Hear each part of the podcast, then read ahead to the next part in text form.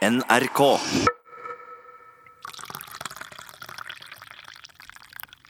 Uh, det er så digg å få drikke ordentlig kaffe.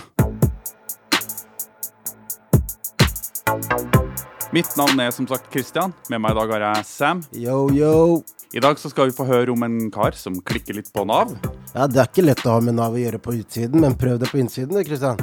Vi skal få høre fra en av eh, røverne våre i Bergen fengsel, som sliter litt med Nav-etaten. Damene på Bredtvet kvinnefengsel, som visstnok har sort belte i Nav, skal gi oss noen metoder for hvordan de takler frustrasjon. Men videre så skal vi få høre om en prest, en gal danske og et masseslagsmål. Vet du hva, hold kjeft, og så kjører vi i gang sendinga.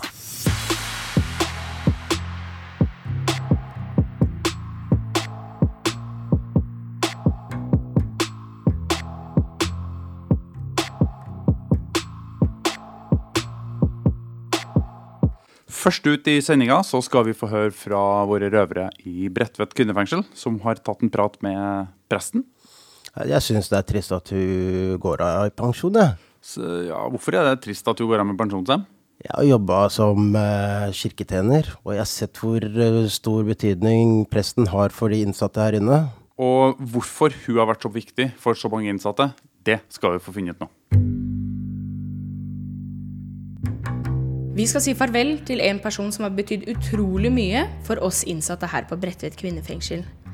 Jeg heter Miss Guinevere og sitter her med Kjersti Wernø, som har vært fengselsprest her i 21 år. Stemmer det? Det stemmer. Hvordan føles det å slutte?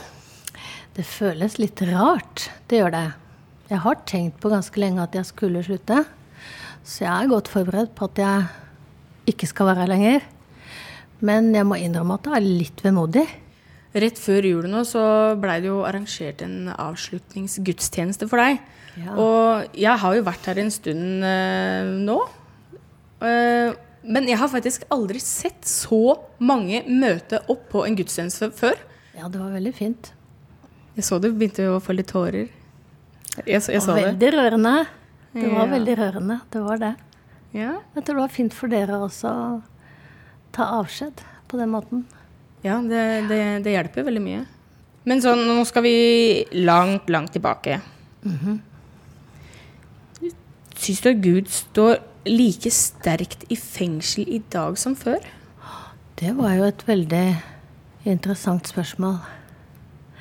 Hvis jeg skal si noe om det, så tror jeg at det må bli noe sånt som at ute i samfunnet så ser vi kanskje mer sekularisering. Altså at folk er mindre troende, for å si det sånn. Men her i fengselet så tenker jeg at, um, at man ikke er det. Du tenker at det blir, det blir litt styrka for hver, hvert Ja, jeg tenker at det å sitte i fengsel gjør at mange tenker mye mer over i hvert fall eksistensielle spørsmål.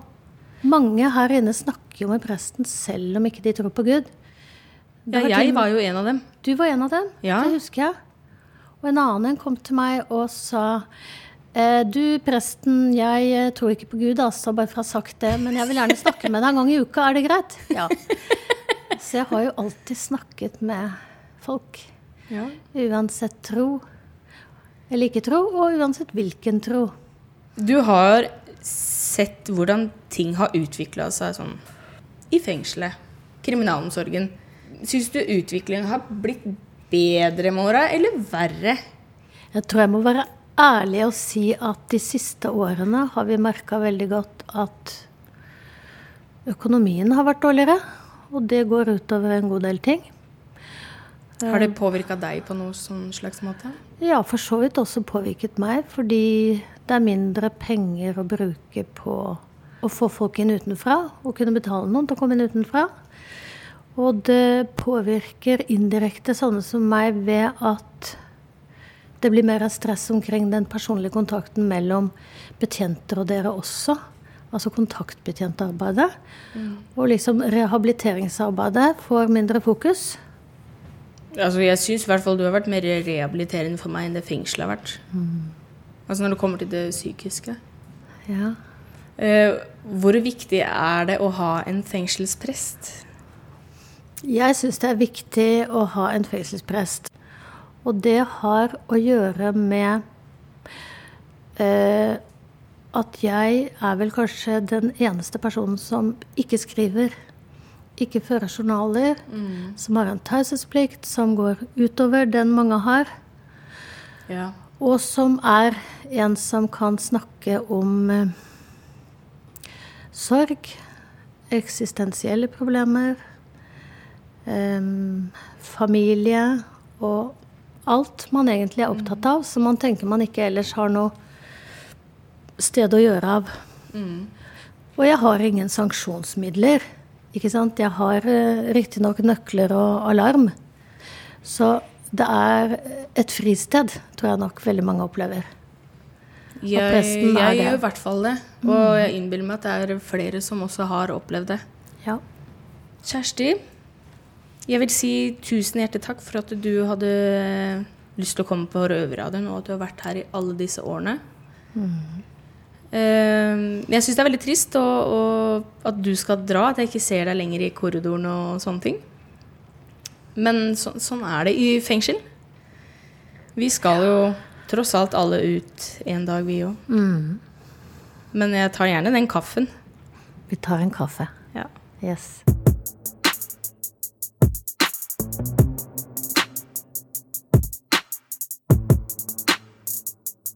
Vi håper virkelig at fengselet klarer å finne en verdig erstatter for eh, presten oppe på uh, Bredtvet, i hvert fall. Jeg er helt enig, Kristian. Men du, vi har hatt en uheldig situasjon der det var manglende prest der i Oslo fengsel. Ja, det kan du trygt si. Det var jo et masseslagsmål i luftegården. eh, Så der hadde det jo vært eh, på sin plass å ha en eh, liten prest, tror jeg. Ja, jeg er helt enig, Kristian. Eh, Det er jo selvfølgelig litt røff kultur og sånne ting i fengsel. Eh, Og eh, jeg vet ikke, hva hadde du gjort hvis du havna i den situasjonen med et slagsmål i luftegården i dag? Der jeg er fra, så er det sånn at kompisene dine i nød, så må du inn og hjelpe til, altså. Ja, det ser jeg absolutt. Uh, nå er det også sånn at det, det er jo fryktelig dumt da, hvis han karen der, er- eller du eller den det gjelder, er på tur ut på prøveløslatelse, og du har kanskje et år i en ekstra sone. Så har du fått innvilga løslatelsen din, og så havner du i en sånn, et sånt, uh, en sånn sak, da, og du ender opp med å kanskje må sone et ekstra år da, for det. Ja, jeg veit det, men vi har våre tidligere røver. Louis Chico Elias. Ja, og Elias har jo faktisk var jo direkte involvert i det dilemmaet her, så nå skal vi få høre litt hva, hvordan det her eh, foregikk.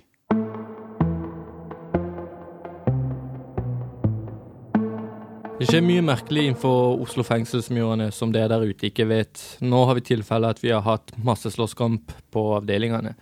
Jeg heter Chico, og jeg står her med Louis og Elias. Ja, hva, jeg hørte noen rykter om det også, men hva er det som skjedde egentlig? Elias, du er jo i din avdeling, så kom det noe juicy info da. Fortell, da. Det var først fotball, ikke sant. Jeg spilte jeg også rolig. Vet, jeg var, jeg var fisker, spiss. Jeg bare sto rolig, fanga, putta mål, vet. Og så begynner plutselig eh, Begynner han ene fra å krangle med han ene Men hvorfor slåss de? Pga. fotball? Ja, på, bare på grunn av Hva, hva, hva var det som skjedde? Helt ærlig, det der greiene, det, var kok, det kokte lenge. Ja, det, det var bare et spørsmål om tid når det kom til å skje. Altså. Du var ellevte mann. Jeg kunne gått inn, men jeg tenkte hei, det blir feigt. Jeg hørte du løp, jeg. Bro, jeg var smart. Jeg holdt meg helt rolig. Ja, Ja, man. Men, eh, men uansett da, eh, la oss si, eh, hvis jeg personlig hadde vært i den situasjonen, så hadde jeg støttet eh, brødrene mine. Hva ja, hadde du du må steppe opp. Nei, jeg stepper ikke opp når det er feigt, ass. Men OK, det var en fotballkamp. Dette her blåste seg noe jævlig opp, da. Det er masse slagsmål og sånn. Hvorfor skjer sånn? Det skjer ikke sånn utenfor fengsel. Nei, men det som du må huske er at vi sitter i, i fengsel, vi er innlåst eh, store deler av tiden. Eh, mye testosteron, spiller fotball. En pluss én er to, ikke sant? Det er lett å komme i fight, clinch. Man er uenige, forskjellige folkeslag. Jeg vet ikke, jeg vil ikke si det, fordi jeg, jeg, jeg vil ikke si det har så mye å si. Det er liksom jeg og flere av de eh, som bare tenkte fuck det her. Hvorfor skal vi Vi har, vi har en fremtid å tenke på, livene våre å tenke på, liksom. Men eh, hva tror du skjer med gutta som da mest sannsynligvis sitter på paragraf nå? Eh, jeg tror de verste, fordi det var noen, grå, det var noen som var litt, mye grovere enn andre, ikke sant. De får jo uh, mye lengre straff. Og. De sa det selv, det er flere som har blitt sånn anmeldt. Så det, blir, det kan bli noen nye dommer. En ny sak, Ja, du en blir ny flytta kanskje til andre fengsler. Ja, sånne type ting. Det er det som skjer, ikke sant. Hva har vi lært av dette? Ikke slåss i luftegården når du spiller fotball. Innsatte i norske fengsler lager radio. Du hører Røverradioen i NRK P2. Da har vi hørt fra gutta i Oslo fengsel, og litt om hvordan de deala med den saken med slagsmålet her i luftegården. Andre som også har litt issues, uh, våre kollegaer i Bergen, Uh, Kjetil og Erik, skal snakke litt om hvordan det er å forholde seg til Nav. Og da kan det jo fort bli i overkant frustrerende, så vi må advare mot litt roping. Ja, jeg kjenner han karen veldig godt. Men eh, å deale med Nav var faktisk noe av det verste du kan gjøre, særlig når du sitter her inne.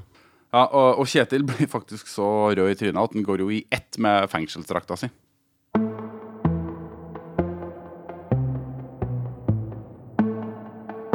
Ja, eh, velkommen tilbake til oss. Og, og Kjetil, jeg forstår det sånn, du har ting som irriterer deg. Ja, jeg har faktisk eh, ganske mange ting som irriterer meg. Ja. Men eh, jeg kan jo begynne med én ting, da. Ja. Og det er Jeg kan eh, ta et lite foredrag her nå. Norge. Ja. Norge det er, det er et fantastisk land å bo i, og det mener jeg av hele mitt hjerte. Vi har mange, mange gode ting i Norge. Vi har mye naturressurser. Vi har vannkraft, vi har fisk, vi har vindkraft, og vi har mye vakker natur. Vi har ei veldig bra velferdsordning i Norge, som gjør at hvis vi blir syke, så har vi krav på helsehjelp mot en liten egenandel. Ja. Har vi ikke jobb, så har vi òg krav på økonomisk bistand i form for, av eh, AAP, arbeidsavklaringspenger, eller arbeidsledighetstrygd, hvis vi kvalifiserer til det. All, alle de ytelsene det er ting som blir utbetalt via det store Nav. Og Nav er et forferdelig ord. Nav irriterer meg. Ja. Nav er forferdelig. Jeg kan ta et eksempel. Jeg har eh, to barn. Jeg har en gutt på 15 og ei, ei jente på 6 år. Når jeg så da kom i fengsel, og ikke hadde midler og inntekt til å betale de bidragene, så plikter den norske stat gjennom Nav å sørge for at de betaler en minsteandel i bidrag som er på rundt 1000 kroner. ja, dette er lover og regler på. Det er lover og regler. Men du må sjøl søke om det. Det går ikke av seg sjøl. Og det gjorde jeg. Kjetil kom inn i fengsel. Snakket med sin kontaktbetjent. Kontaktbetjenten er en betjent du får i fengsel, som skal hjelpe deg å fylle ut skjema, da du sjøl har veldig vanskelig for å gjøre det, for du mangler tilgang til internett, du mangler telefon, du mangler eh, alt mulig annet slags oppslagsverk, og du mangler ID-brikken din, altså min ID, Altinn. Ja, men Sendte inn skjemaet. 14 dager gikk. Brev fra Nav. Hipp hurra, tenkte jeg. Nå har jeg fått det. Åpna brevet. Står det. Vi kan ikke innvilge din søknad pga. manglende dokumentasjon. OK. Den manglende dokumentasjonen, vet du hva det var? Nei. Nei. Det var informasjon om inntekt og samværsavtale. Fjas. I det første brevet som var sendt, da hadde kontaktbetjenten min sendt meg en bekreftelse fra Bergen fengsel at Kjetil soner en dom i Bergen fengsel og forventa prøveløslatelse er flere år fram i tid. Han er derfor uten inntekt og kan ikke betale underholdningsbidrag til sine barn. En soningsbekreftelse. En soningsbekreftelse. Ja. Men, men. Fikk eh, ut, printa ut et nytt skjema. Sendt inn brev. Venta nye ca. 14 dager. Mottar nytt brev. Mangler fortsatt dokumentasjon på samværsplan. Får beskjed om at sånn og sånn er det. Det er ikke bare å ringe, du må fylle ut de punktene der og sånn og sånn. Fylle ut de skjemaene. Tenker nå skal alt være bra. Jo da. Går ca. 14 dager. Får beskjed fra Nav. Mangler fortsatt dokumentasjon! Da er det tredje brevet som er sendt, og de henger seg fortsatt opp i det samværet som de må skjønne ikke kan foregå innenfor fengselets murer. Da Nei. får jeg kontaktbetjenten min til å ringe direkte. Får beskjed om at saken kan jeg bare glemme, for vi har sett at vi har gjort en feil, og kommer vedtak i posten. Da har altså gått sju fuckings uker fra jeg sendte den første bekreftelsen på at jeg satt i fengsel, var uten inntekt til å, å betale underholdningsbidrag, og, eh, og de må dekke det med den minstesatsen. Så konklusjonen er det Nav. Ferdig.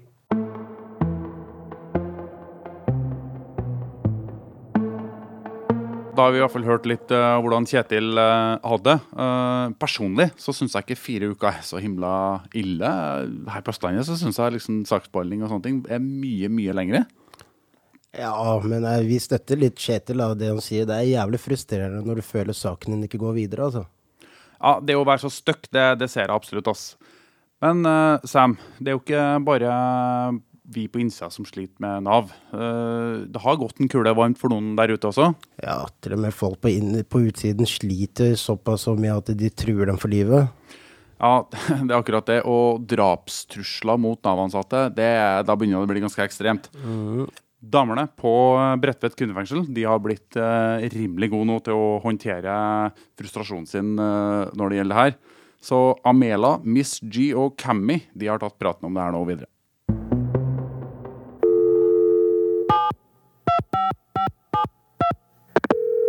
Hei, og velkommen til Nav. Har du spørsmål om pensjon, bor i utlandet Denne samtalen vil bli avlyttet eller tatt opp. This conversation will be monitored or recorded. 11 siffer, og avslutte med firkanttast. Akkurat sånn høres det ut når vi innsatte ringer ut av fengselet. Altså, det er sykt frustrerende og irriterende. Her er det jo informasjon vi ikke engang får med oss. Du hører på Røverpanel fra Bredtvet kvinnefengsel med meg, Miss Guinevere, Amela. Hello. Og Kami. Hei. Ifølge P4 så har det jo vært en eh, generell økning av trusler mot navn. og det gjelder jo særlig telefontrusler. Mm. Derfor så har vi innsatte faktisk ganske lyst til å hjelpe deg med en liten hjelpeguide. Gi dere noen råd? Ja, Ja. om hvordan du kan eh, snakke med Nav. Det gjelder jo både deg der inne og deg der ute. Fordi at eh, greia her er jo det at eh, å drapstrue Nav-folka og familien deres, det er ukult. Ja, det er ikke greit. Men nå sitter kanskje du som ser, hører på Røverradioen og tenker hvorfor i alle dager skal jeg høre på dere innsatte som sitter i fengsler om råd og ringe Nav? Vi har jo jævlig mye erfaring med å få avslag på alt mulig. Her må vi jo søke om alt. True story. Vi vet å oppleve frustrasjon. Absolutt. Mm. Yes. Og lærer å håndtere det. Yes. Hvordan kommer vi innsatte i kontakt med Nav? Da må vi ringe dem. Ja. Det er jo ikke alltid like lett. Det er det ikke. Som dere hørte i det klippet, så går man jo som regel glipp av en del informasjon. Hvem er det som har lyst til å hjelpe sure, irriterende og frustrerende mennesker? Det er i hvert fall ikke Nav. Ingen. Så hvorfor blir vi egentlig frustrerte når vi ringer Nav? Det har jo med det at man eh, kommer ikke frem. Det er, eh, det er lang tid. Ventetid. Og vi har bare 20 dyrebare minutter her inne. Så hvis det blir tatt av de, da, og ikke sosialtelefon, så er det jævlig kjipt å bruke de på å sitte i kø hos Nav, da. Og så i tillegg så kommer du frem til en saksbehandler som kanskje ikke ja, svarer så fint eller er så veldig behjelpelig. Og da øker jo bare frustrasjonsnivået drastisk. Det er, jeg, jeg tenker at det er også en annen ting som spiller inn. For at de eh, minuttene, ringeminuttene vi har i uka, de er jo noe vi bruker privat. Så jeg skjønner jo at eh, vi blir frustrerte når vi må bruke de på offentlige telefoner. Ja, sånn skal det ikke være. Men eh, nå skal jo vi prøve å hjelpe deg. Hva kan du gjøre før du skal ringe Nav? Kanskje legge en plan. Ja, tror jeg hadde vært lurt å bare liksom skrive ned eller gjøre seg klar over hva er det jeg skal oppnå med den samtalen her, og hvordan kan jeg gå frem for å oppnå det jeg vil. Høres veldig bra ut.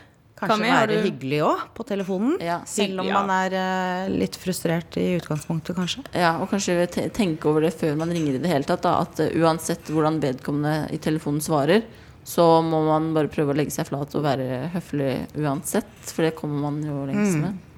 Ok, Så nå, nå er vi jo i samtalen, har vi ringt Nav, nå er vi høflige og vi har planlagt litt.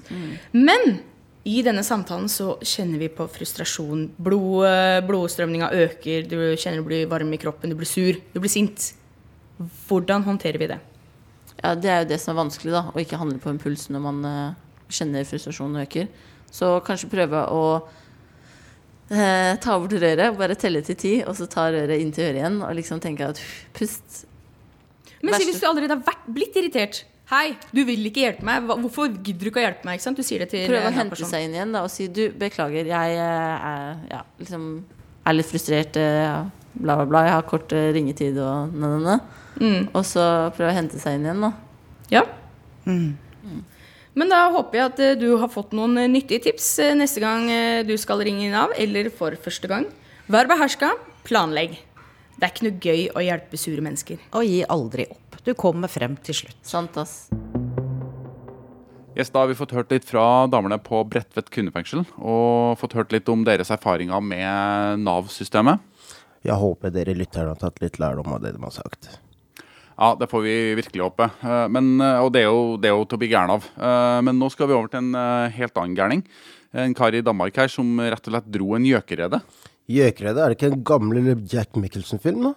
Jo, det stemmer. Eh, Og den karen her han prøvde faktisk å lure systemet. Så endte man lurte seg selv.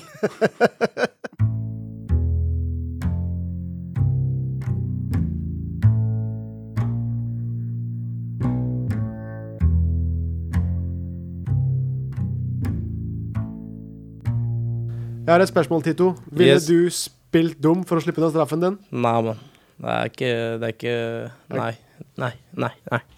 Mitt navn er Mata. Jeg sitter her i Oslo fengsel sammen med Tito. Felenova Pau. Min høyre hånd. Og eh, vi skal prate om en sak som har skjedd i Danmark. Um, I 2014 så ble Mikael Junker Sørensen Han ble tatt for vold, trusler og røveri.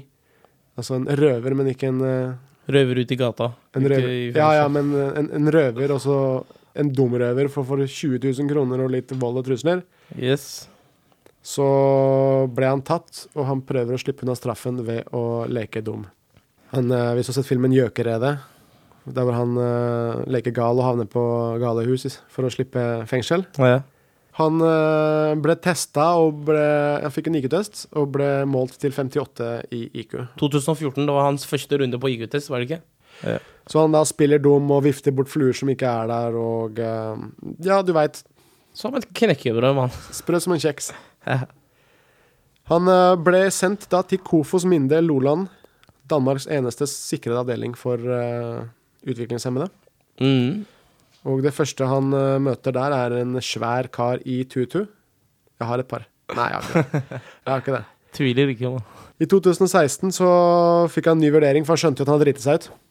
Det, er, eh, det var ikke det han ville. For i Danmark så har de spesielle regler for, eh, for eh, ja, utviklingshemmede, altså folk som ikke fungerer helt ordentlig. Mm. Og det er en sånn slags type, det er ikke forvaring, men det er en slags type forvaring der hvor de, de holder deg. Og de tester deg jevnlig, bare sørger for at du før du Passer for samfunnet. Ja, ja. Så ikke du er der ute og du er en fare for deg selv og andre. Og um, han da prøvde å grave seg ut, da. For nå tar han jo test på nytt i 2018, og da får han i 84 i IQ. Det jo, Ja, han, rank, han ranka seg opp. ja, ja, det er en sterk forbedring på 26, 26 poeng. Ja, ja. Så da har han skjønt da at han har driti seg ut. Han må kjempe på oss. Um, I 2018 så klarte han å rømme. Han uh, satte seg på en motorsykkel idet snuten som uh, geleidet han, eller passet på han, eller hva det nå var, kjøpte seg en pølse. Genialt. Genialt, Egon. Og så stakk han av. Og han var på rømmen i ett år. Så ble han uh, så tatt. Hva skjedde, Tito? Jo, faktisk, han åpna en eh, pub rett over gata ved politistasjonen. Det er ikke så smart. Nei, fy faen. Det, det sier ikke jeg. Det- Ja, så ble han uh, flytta dit han skulle være, da. Tilbake på Kofos minne. Der hvor eh, noen har sittet Ja, noen har sittet der i 40 år. Ja. Det er ikke bare bare å Når du først har havna på gjøkeredet, så Det er ikke lett å komme seg ut derifra. Altså. Nei. Så det er eh, Jeg vet ikke hva jeg skal si om det. Har du noensinne vurdert å, å leke dum for å Nei, jeg hadde ikke gjort det. Da blir du behandla som en uh, dum person, ikke sant. Men da- Hvor mye hadde du måttet kutte på straffen din for at du skulle synes det var greit å leke litt dum? Da må jeg bare bli løslatt med en gang, Man. Da, da, da hadde du gjort det? Ja, hvis jeg eh, slipper en eh, femårsdom, da. Ja. Ved å leke dum, ja, ja. ja. Jeg hadde tatt en kjapp høyre-venstre. Vifta med flue. Kjapp høyre-venstre? Gått med ballerinakjørt. Ja, nei, jeg vet ikke. Nei, nei, det, det skal mye til, også, men jeg hadde ikke gjort det. Jeg hadde slitt med å holde meg seriøs. jeg. Ja, det er ikke bra å Man kan bli for, man blir for dum hvis man tror man er dum, ikke sant? Eller hvis man leker for mye dum. Ja, hvis du omgås med dumme mennesker, du får, eh, det, det er et eller annet som skjer. Ja, ja. Så mm, nei, til dere der ute som eh, vurderer, eller har vurdert, eller kommer til å vurdere, eller hva som nå skjer og, og, og Ikke anbefalt. Sterkt. Ikke anbefalt. Um, ta straffen. Gjør det du må den tiden det tar, og kom deg ut. Ta det som en mann. Ta det som en mann.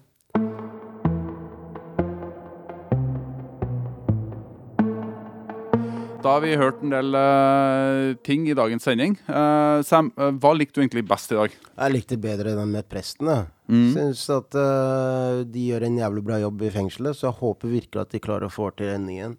Men eh, du, hva likte du best, da? Nei, Jeg tror det må bli vår danske venn som prøvde å narre systemet og endte opp med å narre seg sjøl. Det er egentlig det jeg likte best. Men for de som skal lytte til oss videre, Sam, hvor skal du gjøre det? Når skal du gjøre det?